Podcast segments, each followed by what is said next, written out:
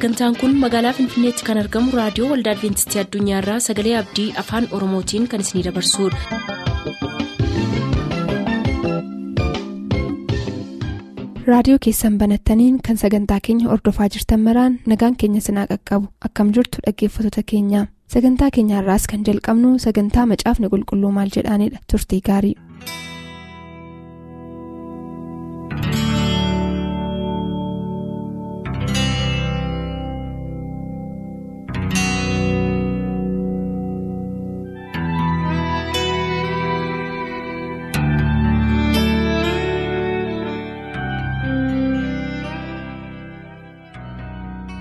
Fayyisaa keenyaaf gooftaa keenyaa waaqa Israa'el.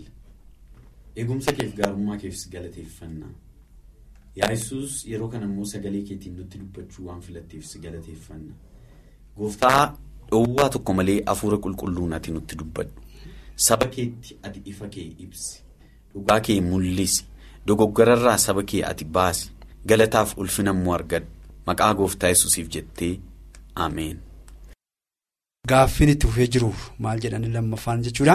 Guyyaa jedhame sana dhufa jedhanii amanuun rakkoo maalii qaba jettanii yaaddu? Yookaan kanarratti yaada maalii qabdu? Amantoota keenyaaf yookaan dhaggeeffattoota keenyaaf ifaa akka ta'uu fi mi'a asirratti yaada qabdan nu ibsitu. Gaaffii kana durseen gammachiisiif kennaa mee gammachiisati yaada kanarratti yaada maalii qabda. Gaaffiin kun gaaffii baay'ee barbaachisaadha. Sababiinsaa torban darbe kan nuyi ilaalaa turre. Namoonni. Gooftaan keenya yesus kristos guyyaa inni deebi'ee dhufu caamsaa 21 bara 2011 jedhanii barsiisaa jiru. Kun immoo ammam dhugaadhaa kan jedhu irratti kaafneeti kan nuyi ilaalaa turre. Guyyaa sana beekuun hin danda'amaa beekuun namootaaf kennameera kan jedhudha kan nuyi ilaalaa turre. Guyyaa sana beekuun hin danda'amaa isa jedhu sana xinnoo ishee ifa goonee darbuun barbaachisaadha. Ituu rakkina isaa kanatti hin seeniniin fuuldura jechuudha. Guyyaa sana akka. Inni guyyaatti yesus dhufuutti jennee amannee fudhachuun rakkina mataa isaatii qaba rakkina baay'ee qaba. Rakkina sanatti hin seenna garuu guyyaa isuma jalqabaayyuu durumaan akka dubbanne guyyaa sana beekumtuu hin danda'amudha. Guyyaa sana beekumtuu hin danda'amu. Guyyaa sana amananii fudhachuu waan kan biraadha garuu beekumtuu hin danda'amu. Namaaf hin kennamne. Namaaf hin kennamne waanta ta'eef. Namaaf iyyuu duwwaatu hin ta'in ergamoonni waaqaaf iyyuu hin kennamne kana afaan gooftaa keenya yesus kiristoostu dubbate jechuudha. Ergamoota samiif iyyuu hin kennamne erga ta'eeti waan yaalamuu hin qabne yaalaa jira jechuudha namni. Waan tilmaamamuu hin qabne tilmaamaa jira. Fakkeenyaaf samii ilaalse yookiis immoo Yerusaalem ishee haaraa ilaalse iji namaa kan hin argine sammuu namaatiinis tilmaamamee kan biraan ga'amne yookiis yaadamee kan biraan ga'amne jedha miti. Kana jechuun namni tilmaamuun iyyuu irra hin jiru jechuudha. Sammuu namaatiin tilmaamamee biraan ga'amu jedhamee biraan ga'amu. Inni kunis akkasuma yaada namaatiin herrega namaatiin beekumsa namaatiin barumsa namaatiin yookiis hafuuratu naaf ibsa jechuudhaanis waan kan biraatti jechuudhaanis bira ga'uun kan hin danda'amne ta'uusaa kaafnee turre. Heertuu baay'ee kaafnee ilaaluu dandeenya torban darbe kaafnee akkuma ilaalle fakkiyaaf Lukaas boqonnaa kudha lama lakkoofsa afurtamarraa Lukaas kudha lama afurtamarraa maal jedha akkasuma ilmi namaa yeroo isin isa hin eegnetti waan dhufuuf isinis immoo qophooftanii taa'utu isinirra jira jedha yeroo hundumaa kan inni dubbatu waa'ima qophaa'anii taa'urraa kan hafe waan kan biraa miti maaliif jedhe yeroo itti ilmi namaa deebi'ee dhufu hin beektanii hin beektan. Kun jala muramaadha jechuudha. Kanaaf iyyuu guyyaa yesus dhufu beekuun hin danda'amaa gonkumaa guyyaa sana beekuun hin danda'amu. Akkuma jedhame caamsaa 21 dhufaa gonkumaa sun ta'uu hin danda'u. Sababiin isaa kitaabni qulqulluun sobu waaqayyo hin sobu. Guyyaa sana eenyu biratti iyyuu beekamaa akka inni hin taane godhee waaqayyo iccitiidhaan kaa'eera. Guyyaan iccitiidhaan qabame sun immoo eenyuyyuu argadheera bira geera yoo jedhe ofiisaas sobaa taa'arraa kan hafe waaqayyoon sobaa gochuudhaaf hin danda'u. Kanaaf akka kanatti yaaluun tokkoffaa waaqayyoo waama danda'amu silayyuu hin danda'amu namoota dhosseedhanii lakkaa'uttidha kan inni namoota geessu. Warri kana barsiisanis akka ittiin ofii isaanii himaa jiru jechuudha. Mee isa kanarratti yaada irra deebii yookiis yaada dabalataa tamasga'oo qabaate isaaf dhiiseen gara rakkina inni qabuutti dabarra.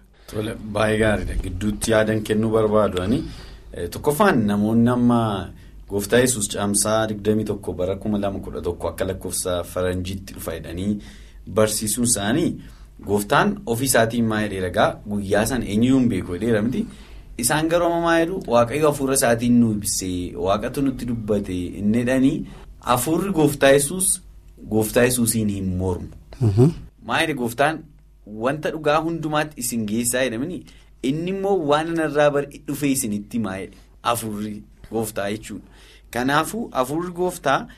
Kaayyoo gooftaa isa jalqabaatiin gonkumaa hin mormu namoonni akka jedhanii barsiisanii dhibbaa dhibbatti kan isaan beekuu qabanii dhaggeeffatoonni keenyas kan isaan beekuu qabanii faallaa barsiisa yesuus waan ta'eef faallaa barsiisa yesuus wanti ta'e immoo barsiisa sobaati. Gooftaa yesus wanta inni akeekkachiise tokko tureera. Wanti inni akeekkachiise waa'ee dhufa isaatii ilaalchisee wangeela Maatiyus boqonnaa 24 lakkoofsa 23 kaasee akkasittiin jedhee ture. Egaa yeroo sanatti namni ilaa masiihin as jira yookiis achi jira yoo isiniin jedhan hin amaninaa jedhe. Masihoonni sobaa fi raajonni sobaa ka'anii yoo danda'ame warra waaqayyoof fo'aman iyyuu akka wallaalchisaniif milikkita gurguddaaf dinqii baay'ee agarsiisu. Kunoo an dursee isinitti meera yesus maal jedhe? Masihoonni baay'een kunoo yesus addana jira yoo isiniin jedhan yookiin achi jira yoo isiniin jedhan hin amaninaa maaliif? Masihoota duwwaa utuu hin taane barsiisonni sobaa baay'een hin ka'u. Yommuu kaan sana immoo warra fo'aman warra filaman illee amma maal ga'anitti ga'u? Amma dogoggorsiisanitti ga'u. Garuu akka isin hin dogoggorreef ani garuu maal godheera jalqaba dursee isinitti meera lammata immoo. Akkuma torbee dubbachuu yaallee barri dhufaatii yesus kristos kan ittiin beekamu mallattoonni kenneen mallattoo gooftaa yesus nuuf kenne keessaa inni jalqabaa waa'ee bara nohu bara nohu namoonni hin fuudhuu hin heerumuu hin nyaatu waan barbaadan godhu namoonni wanti isaan godhaa turan keessaa tokko bara nohu keessa amma dhiirriif dhiirrillee wal fuudhutti amma dubartiif dubartiinillee wal fuudhanitti bara itti ga'ame ture namoonni baay'ee. Fedhuma mataa isaanii fedhuma foon isaanii raawwachuutiin qabamu. Baay'eeyyuu keessa ba'anii jechuudha. Keessa ba'anii. Garuu gooftaan maal bara kana keessa wanti kun taa'eera dhuguma taa'eera. Kan baay'ee na ajaa'ibu kan baay'ee nama gaddisiisu biyyoota faranjii akkasumas biyyoota afrikaa baay'ee keessatti amma dhiirriif dhiirri akka dhiirsaaf niitiitti wal fuudhanii wajjin jiraataa jiru. Seeraan eeyyamameef jechuudha. Barri noohu dhuguma taa'aa jira. Barri yesus deebi'eetti dhufu dhuguma dhiyaataa jira. Seexanni egaa amma maal godhuu barbaadeeti namoonni baay'een gooftaa yesus egaa caamsaa 21 bara 2011 keessa dhufa jedhamee yoo dubbatame namoonni baay'een bara sana tarii gooftaan hin dhufa jedhanii abdii guddaatiin eeggatanii dhabu. Abdii guddaatiin eeggatanii yommuu dhaban sana immoo maaltu ta'a waa'ee dhufaatii yesus kristos akka abdii kutan akka booddee deebi'an godha. Booda gammachiisa erga kaasee boodaanis caalatti kana kaasuu nan danda'a. Haa ta'u malee torbees akka kaafnee turre.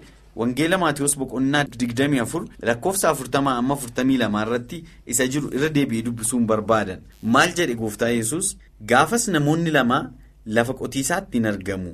Inni tokko hin fudhatama inni kaan immoo hin dhiifamaa jedhe. Lakkoofsa 41 irraa immoo dubartoonni lama dhagaa daakuutti hin daaku. Isheen tokko hin fudhatamti isheen kaan immoo hin dhiifamti Kanaafis gooftaan keessan yoom akka dhufu hin beektanii dammaqaadha lakkoofsa 42 irraa immoo. Walumaa galatti gaa maayinni gaafa gooftaa yesus kristos dhufu namni beeku tokkollee hin jiru. Hundumtuu hojii isaa godhata. Hundumtuu hojii isaa hojjetata. Inni amantiitti jabaataa jiru amantiitti jabaata. Tokkommoo wanti kun dhibbaa dhibbatti dogoggora echisiisuu danda'u.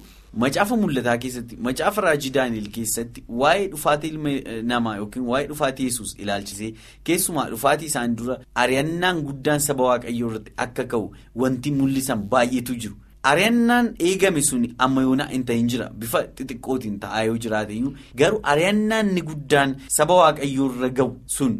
Fuulduratti ta'uuf jira. Garuu namoonni kun amma gaa gooftaa yesus caamsaa 21 bara 11tti dhufa yoo jedhanii wanta sanaan kan wal faallessu ta'a. Lammata immoo gaafa gooftaan yesus dhufu sun egaa namoonni jireenya isaanii hojii isaanii noormalii akkuma yeroo kan biraatti geggeessaa utuma jiranii inni tokko biraa ol fudhatama garuu kanarratti namoonni tokko tokko dogoggorri isaan keessa seenan maali yesus yeroo inni dhufu gaafa yesus dhufu mul'inaan dhufee namoonni akka samiitti ol ba'an utuu hin taane tokkoon butama dhossaadhaanii kanarraan kan ka'e ammaarraallee namoonni tokko tokko namoonni butamaa jiru jedhanii kan amanan yookiin kan barsiisanis jiru.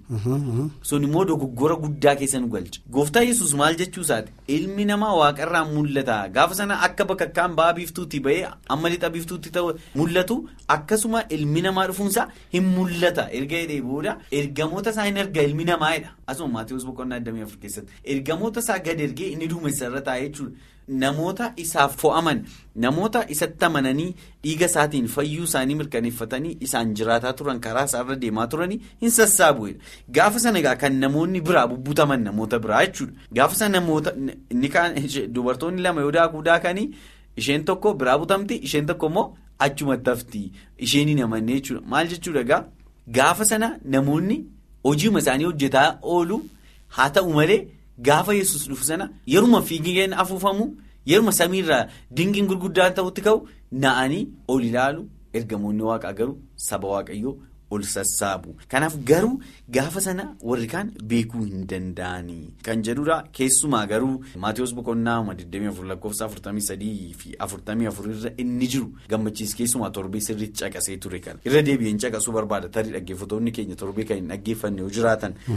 Maal jedhee wangeela maatiyoos boqonnaa 24 lakkoofsa 43 fi 44 irratti abbaan manaa halkan keessaa yeroo hattuun itti dhufu utuu beekee hin dammaqa. Mana isaas hin qochisiisu ture kanas immoo yaadadha kanaaf isinis immoo qophaataa ilmi namaa yeroo isin quban qabnetti hin dhufaa jedhe egaa akka hattuutti dhufaa jedhe immoo iddoo baay'eetti fakkeenyaaf Pheexroos lammaffaa boqonnaa sadii lakkoofsa kudhan irratti akkasumas immoo Tasalonqee isa duraa boqonnaa shan lakkoofsa tokko amma sadii keessatti sirriitti ibsamee jira akka hattuutti akka dhufu akka ciniinsuun dubartii qabutti akka dhufu wanti sun. Kanaafuu eenyullee guyyaa sana akka beekuu hin dandeenye sirriitti ifa ta'ee waan jiruufi namoonni kanaan dogoggoruu qaban guyyaa akkasii dhufa kan jedhu suni rakkoo yookiin dogoggora baay'eetti nama geessa. Dogoggoranni yookiin rakkoo inni qabu anis qabxii lamaan tokko kaasee achi booddee gammachiisa akka itti dabaluuf yeroo kennaaf. Guyyaa jedhame sana yesus dhufa jedhanii eeguun rakkoo maalii qaba? Yesus guyyaa jedhame san dhiisaati yookiin caamsaa 21 bara 2011 dhiisaati utuu bor dhufeewu gammachuun keenya guddaa ta'a. Gammachuu isaa hin dandeenyu baay'ee gammanna yesus har'a galgala utuu dhufeewu gammachuun keenya guddaadha maaliif warri kiristoos yesusitti amananii hundumtuu isatti amananii fayyina bara baraa argatu waan ta'eef. Haa ta'u malee rakkoo inni qabu maali? Gaafa sanas utuu dhufe nuyi mormii hin qabnu gooftaan utuu dhufe gammachuu isaa hin dandeenyu nus haa ta'u malee. Gaafa sana dhufa hidhanii eeguun rakkoo maalii qaba? Isa jedhuufi jalqaba kaaseen ture. Gooftaa yesus gaafa sana dhufa hidhanii qophaa'anii eeguun rakkoo guddaa qaba. Inni tokkoffaan maalii namoonni baay'een gaafa sana dhufa hidhanii waan eeganiifi gaafa sana immoo akka jedhametti yoon dhufi nafe namoonni baay'een abdii kutannaa guddaa keessa seenu. Barsiifni macaafa qulqulluullee amma arrabsamutti ga'uu danda'a. Macaafni qulqulluun soba amma jedhamutti ga'uu danda'a. Barsiifni kiristaanummaa dhibbaa dhibbatti soba jedhanii diinni saba waaqayyoo diinni macaafa qulqulluu karaa guddaa argata jechuudha. Biyya lafaa irratti amma jaallattanis jibbitanis maaltu ta'aa jira? Macaafa qulqulluutiif namoonni iddoo kennaan jiran. Waaqatu waaqaaf lafa uume jedhanii amanaan jiran. Maal jedhaa? Ofumaanii jijjiirama suutaatiin bakka kana geenye nuyi. Malee waaqa wanti jedhamu hin jiru uumaa wanti jedhamu hin jiru. Kana namootumatu ittiin namoota gowwoomsuutiif yaada namoonni uumaniidha jedhanii barsiisu. Bal'inaan yookaan gooftaan keenya yesus kiristoos caamsaa 21 bara 2011tti dhufa jedhamee ammas kiristaanonni barsiisa kana jabeessanii barsiisanii gooftaa yesus gaafa sana dhufuunsaa hafe maaliif? Gaafa sana dhufa inni akka inneef akkuma kanaan dura inni barsiisa yesuusiin faallaadha kun. Garuu gaafa sana dhufa jedhanii yoo eeganii. Gooftaan gaafa sana yoo dhufuu dhiise tokkoffaan akkuma sila jedhe barsiisni kiristaanummaa silayyuu sobaa hin jennee nuyi macaafni qulqulluu macaafuma namni barreesseedha malee wanta bu'uura hin qabneedha hin jennee nuyi jedhanii diinni yookiin warri hin amanne saba waaqayyoo ittiin arrabsu maqaa waaqayyoo ittiin arrabsu. Garuu akka ilaalcha kootiittani hin shakkus kanaaf immoo seexanni akka namoonni waaqa irratti abdii kutataniif akka maqaan waaqayyoo arrabsamuuf. Itti yaadee waan karoorse natti fakkaata. Baruma baraan karoorsa seexanni akkuma kanaan dura itti fufnee ilaaluuf jiru baruma baraan yeroo adda addaatti seexanni yeroo inni karoorsu jira geessus gaafa akkasii dhufa kunoo gaafa akkasii kana ta'a kana dhiisaati magaalaa finfinnee keessatti waggoota xiqqoon dura waggaa kurna tokkoon dura maariyaamtu mul'ata jedhamee namoonni gamaaf gamasiin socho'anii. kunoo maariyaam gaafa akkasii mul'atti jedhanii kan isaan itti barsiisaa turan jira garuu namni achi ture kanatti mi'anii waan tokko wanti arginu hin jiru waan tokko wanti argamu hin jiru. Finfinneetti duwwaatu hin taane biyya baay'eetti iddoo adda addaatti kunoo yookiin maariyaamtu mul'ata jedhu yookiin yesuustu mul'ata jedhu yookiin kanatu ta'a jedhu kun hundumtuu barsiisa sobaati. Namoonni amantii irraa akka isaan galagalaniif kaayyoo seexanni itti fayyadamu keessaa tokko kana kanaafuu seexanaaf karaa banuudha. Gowwomsaaf karaa banuudha. Seexanni dhugaarraa akka nu jallisuuf isaaf karaa banuudha. Jedheen amanaa gammachiisu waan itti dabalte akka itti dabaltuuf. Rakkoon kun wanta kana akka kanatti amanuu rakkina baay'ee of keessaati kan inni qabu. Rakkina gurguddaa jedhamanii caqasaman keessa wantoonni nama kaa'an jiru. Ammasituun isaan caqasin fuuldura ka'umsi namoota kanaa maa inni? Akkuma duraan dursee dubbadhe barreeffama isaan barreessan baay'ee isaa dubbiseera argadde kitaaba lamaa fi barreeffama xixinnoo tiraaktota baay'ee isaanii dubbiseera argadde isaan keessaa gaaffii tokko isaanumta ofii isaaniitii gaafataniiru. Maal jedhanii gaafatanii? Mata duree masaa irratti yeroo jalqabanii guyyaa itti yesus dhufu beekuun hin danda'amaa oo jedhanii gaafatanii. itti aansee gaaffii akka jedhu gaafatanii yesus guyyaa sana eenyullee beekuu hin danda'u hin jennee jedhanii gaafatanii jechuudha. Isaanumta ofii isaaniiti sana booda eeyyee jedheera. Deebisanii immoo gaaffii kan biraa immoo gaafatanii. Nama hundumaa duraa dhookatan immoo jedhanii gaafatanii. Isaaf yeroo deebii kennan immoo lakkii jedhani wanti isaan jedhan achumatti wal faalleessa yesus guyyaan sun hin beekamu jedhee dubbateera isa jedhu eeyyeedhu nama hundumaa duraa dhookataa immoo jedhanii yeroo gaafatanii lakkii jedhu. Eessaa fidan jennee yoo ilaalle dogoggoraan heertuu isaa itti fayyadaman tokkotu jira. Lallabaa boqonnaa sadii lakkoofsa shan irratti. Akkas jedha. Nama abboommii isaa eegutti wanti hamaan hin dhufu. Nama abboommii isaa eegutti wanti hamaan hin dhufu. Garaan nama ogeessaa yeroo itti waa hojjetanii fi akka itti hojjetan beekaa jedha. Isa kanarraa ka'anii isaan egaa heertuu kanaa gara ofii isaaniitti hiikkachuu barbaadaniitti hiikkatanii maal jedhanii namni waaqayyoof abboomamu yeroodhaa fi yeroo itti waa godhamuu fi yeroo itti murtiin kennamu beekaa jedhanii hiikkatanii jechuudha achirraa ka'aniiti yaalii kana hundumasaa. gochuudhaaf kan isaan deeman heertuun kun garuu waa'ee sanaa miti kan inni haasa'u namni waaqayyoof abboomamu wanta maan akkasatti hin dhufne. Namni ogeessi immoo yookiis namni garaansaa ogeessi ta'e immoo wanta hojjetuu fi akkamitti akka hojjetu akka inni beekuudha kan inni dubbatu. Kanarraa kan hafe waan kan biraa waan dubbatu hin qabu heertuun kun. Isaan garuu akka isaaniif mijatutti yeroo itti murtiin kennamu beekaa jedhanii hiikkachuudhaan gara sanaatti deemani amma gaa guyyaan sun beekamuu hin danda'u waliigalleerra irratti. Sababiinsaa kitaaba qulqulluu jedha wanta ta'eef. yoo akkas jennee amanne rakkina maalii qabaa amma tamasgeen nuuf kaaseera maalidhaa? Tokkoffaa kiristaanummaan maqaa gadhee akka inni godhatu kitaabni qulqulluu maqaa gadhee akka inni godhatu. Waaqayyo hin jiru jedhanii namoonni akka isaan amanan godha. Lammaffaa ammas akkuma tamasgeen kaasee namoonni akka isaan abdii kutatan godha. Amma guyyaa sanaatti qophaa'anii eeggatanii gaafa sana guyyaan sun gaafa inni darbu nu ofumaa dadhabaa turre. sobadha wanti nuyi amanaa turre jechuudha jedhanii abdii akka isaan kutatan isaan godha. Kaayyoon seetanaa immoo kanadha silas namoonni waaqayyo irraa abdii kutatanii akka isaan deebi'an. Isaan sana duwwaa miti. Kanan qabxii sana irratti dabaluu barbaadu caamsaa 21 bara 2011 waggaa dhufu yesus dhufa jedhanii amanuuni. Namoonni amma guyyaa sanaatti akka barbaadanitti akka isaan jiraatan isaan hafeera sababiin isaa guyyaan isaa beeku. Gaafa guyyaa tokko naafuun qalbii jijjiirradhaa jedhanii amma gaafa sanaatti akka barbaadanitti jiraachuudhaaf isaan hafeera. Yoo daldala qabutee yoo jedda qabutee yoo barumsa qabutee yoo waan fedhe qabutee amma dhimma isaanii sana raawwatanii gaafa guyyaan tokko isaan haftu jechuun gaafa caamsaa kudhanii qophaa'uu jalqabu jechuudha waaqayyo cubbuun kanaan dura godhe hundumaa naadhi sababiinsaa maal barataniiru waan ta'eef namni cubbuu isaarraa yoo deebi'ee qalbiisaa jijjiirrate waaqayyotti araarama. Sa'aatii dhumaatti yoo ta'e kan jedhu beeku waan ta'eef namoonni akka itti akka isaan jiraataniif isaan hafeera kun immoo rakkina kan biraa of keessaa qaba. Lammaffaa namoonni. Of dagatanii akka isaan ta'an isaan godha. Karaan ittiin yesus dhufu yookiis immoo gooftaan keenya yesus hin dhufa jennee karaan nuyi ittiin eegnu karaa lamadha tokkoffaa gooftaan keenya yesus kristos deebi'ee dhufuu isaati lammaffaa immoo waamicha tokko tokko keenyaaf godhamudha waamicha tokko tokko keenyaaf godhamu jechuun du'uu jechuudha namni guyyaa itti waamamu guyyaa itti gara biyyootti deebi'u hin beeku namni guyyaa kamiyyuu ta'uu danda'a namni kan inni gara biyyootti deebi'u garuu namni nan du'a jedhee yoomiyyuu yaadu. Ofiisaa keessatti ambooraan du'a yookiis immoo iftaan du'a namni yaadu hin jiru hundumtuu jiraachuudhaaf karoorfataa jiraachuudhaaf hojjeta. Kanaaf waa'ee du'uu isaatiin raanfatee yoom duwwaa eegaa caamsaa 21 duwwaa eega. Kana gidduutti waamichi isaa isatti dhufuu danda'a. Ituu inni hin qophaa'in ituu inni of dagatee taa'u. Kitaabni qulqulluu garuu kan inni nu barsiisu yoom akka waamamnu waan hin beekneef gooftaan keenya kiristoosis yoom deebi'ee akka inni dhufu waan hin beekneef yeroo hundumaa qophoofnee akka nuyi jiraannudha kan inni nu waamu jechuudha. Guyyaa ishii sana beekuun garuu akka nuyi dagannu nu godha qophoofnee taa'urraa akka nuyi. teellaattaaf nu daganneetu jirru tarii waamichi keenya akka inni nu qaqqabu gochuu danda'a waan ta'eef rakkina akkasii fida sadaffaa goomsaa kan biraatiif namoota saaxila goomsaa kan biraatiif namoota saaxila inni har'a gooftaan yesus gaafa caamsaa 21 dhufa jedhee barsiise gaafa caamsaan 21 ga'u immoo mala kan biraa qopheessa Maatewos boqonnaa 24 lakkoofsa 23 irratti tamasgeen akkuma duraan nuuf dubbiste ilaa masiin. as jira yookaan achi jira yoo isiniin jedhamni maaliin godhinaa? Ilaaluudhaaf gadi hin bayinaa jedhaan. Amma isatu dhufaa jechuudha taane. Ilaa kunnoo gama sana jira. Warra naannoo baadiyyaa jiranii ilaa magaalaa akkasii irra jira jedhanii namoonni gara sanaatti akka isaan yaa'an. Ilaa kunnoo gaararra jira. Gaara akkasii irra dhufee bu'eera jedhanii gara gaaraatti akka isaan ol yaa'an. Isaan gochuudhaaf yaalii godhaa jechuudha lammaffaa aan masii dheedhee ofiisaatii kan dhufu jiraachuu danda'a jechuudha. Sababiin isaa dubbatameera yesus gaafa caamsaa 21 dhufa jedhameera waan ta'eef caamsaa 21 sanatti kan biraa qopheessee seexanni ilaa kunoo ammasiidhaa jedhe achi as ba'a. Namoonni guyyaa jedhame kanatti isa dhufee dheeraniitu isa simachuudhaaf yookiin isaa sagaduudhaaf ba'uutu jira. Kanaaf wantoota akkasii kanaaf namoota saaxiluu danda'a. Wanta ta'eef guyyaa sanaa yesusin dhufa jedhanii amanuun rakkoo gurguddaa kanneenii fi kana kan fakkaatan of keessaa qabaa jedheen amanan gama kootiin.